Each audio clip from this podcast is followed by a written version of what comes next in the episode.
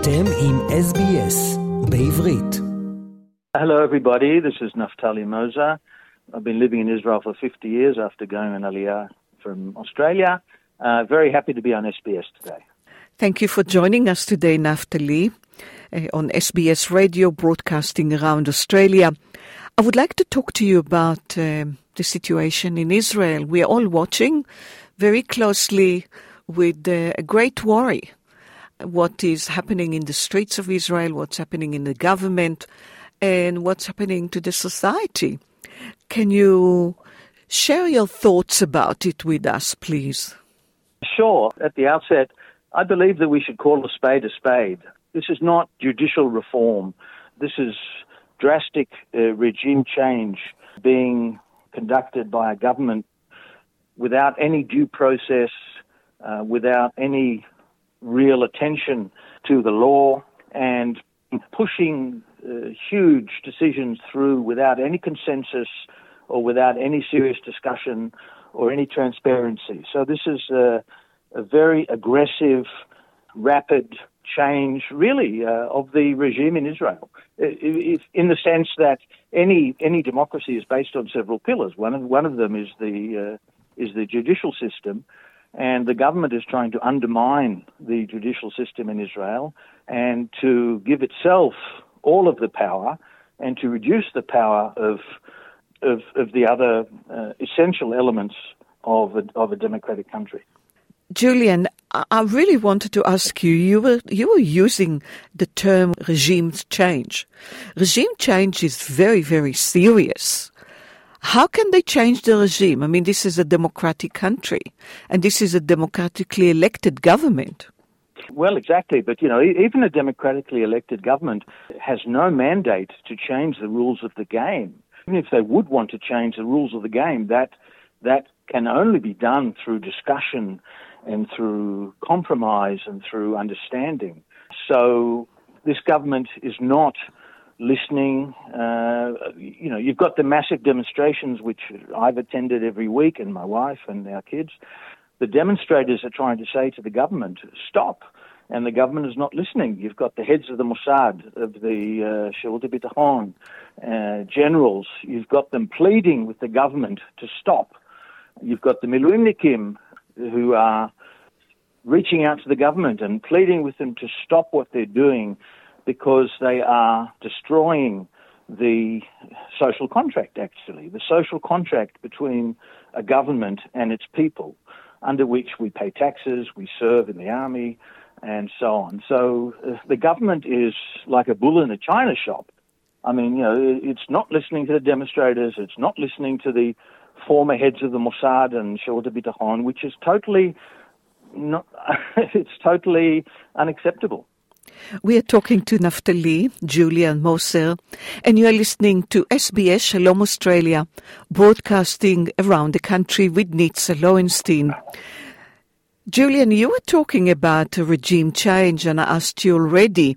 Can you please uh, give us some clarification? What are the changes that are so drastic that uh, you, uh, you you deem them to be regime changes? What the government is trying to do is to give itself the, you know, the sole, sole power and to reduce or eliminate the ability of the judicial system and the public to to dissent really or to or to challenge the government. I mean, they want absolute power. So you know, in that sense, it's it's regime change because they want absolute power.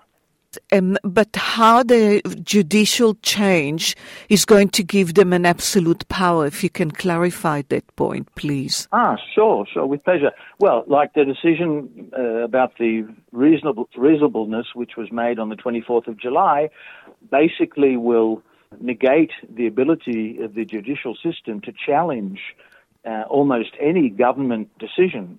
So, in that sense, the government will be able to decide whatever it wants and nobody will be able to challenge it. So, that is not what happens in democracies. And people here in Australia probably have difficulty understanding that because it's so foreign to them.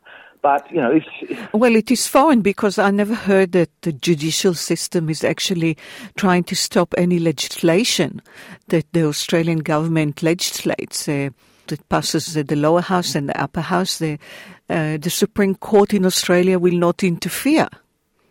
Well, you know, the thing is, in Israel, we only have one. You know, we haven't got two houses. We've only got one house of parliament and not two, and and there's no constitution. So, you know, all, all we have is is uh, is is the Declaration of Independence from 1948. But given that we don't have two houses and and we don't have a constitution, then that's why this is such a sensitive situation. Uh, this is very important what you're saying. Um, I haven't actually thought about it in that way. Are you really worried, uh, Naftali, that um, there is such a big gap in the Israeli society at the moment? Could it lead to internal conflict that can develop into a war? Absolutely. I mean, we've had demonstrations going on for 32 or something weeks because people are totally unprepared to accept this change because you see, the government is not being honest. The government is not, I mean, the government is telling lies and the government is not being honest about what's it, what, what it's doing, and people are just not prepared to accept that. And uh, yeah, violence is, is getting worse and worse. You see poli- police violence even at, at demonstrations. The violence at the government level is also filtering down to the individual citizens. My own son-in-law was attacked the other day. He wasn't hurt, but he was pushed to the ground. So yeah, I mean, why was know, the attack? Well, it was just just like he came out of the bank, and a couple of guys accused him of being a left-wing Ashkenazi, and uh, he was attacked. So you know, because because you see, you know, the general atmosphere of chaos uh, spread very very easily. It is really worrying what what you're telling us. Do you see any solution? I can't really talk about solutions at this point. Uh, the situation is getting worse. We've got on the 12th of September, we've got the High Court uh, reviewing the decision about reasonableness. But no, I can't. I can't talk about any solutions at the moment. No. one, you, have been one doesn't know. Yeah. Naftali, you've been living in Israel for 50 years. Yeah. Don't you trust the country to continue to be strong and united eventually? Well, I, I, I mean, I have tremendous trust in the people. I mean, we've been demonstrating for you know 30 weeks, and people are extremely uh, loyal to the country, and so on. But you know, the government is is using every every trick in the book to force its will. But yes, I mean, we you know we have tremendous uh, comradeship at the demonstrations in Jerusalem, in Tel Aviv, everywhere. You know, yeah, I mean, the the people are basically good, and the, and we're and the people are fighting. I mean, the people are fighting and will continue fighting. Uh, uh, let me challenge you with one question. Every four years, there are elections in Israel, right? Yeah.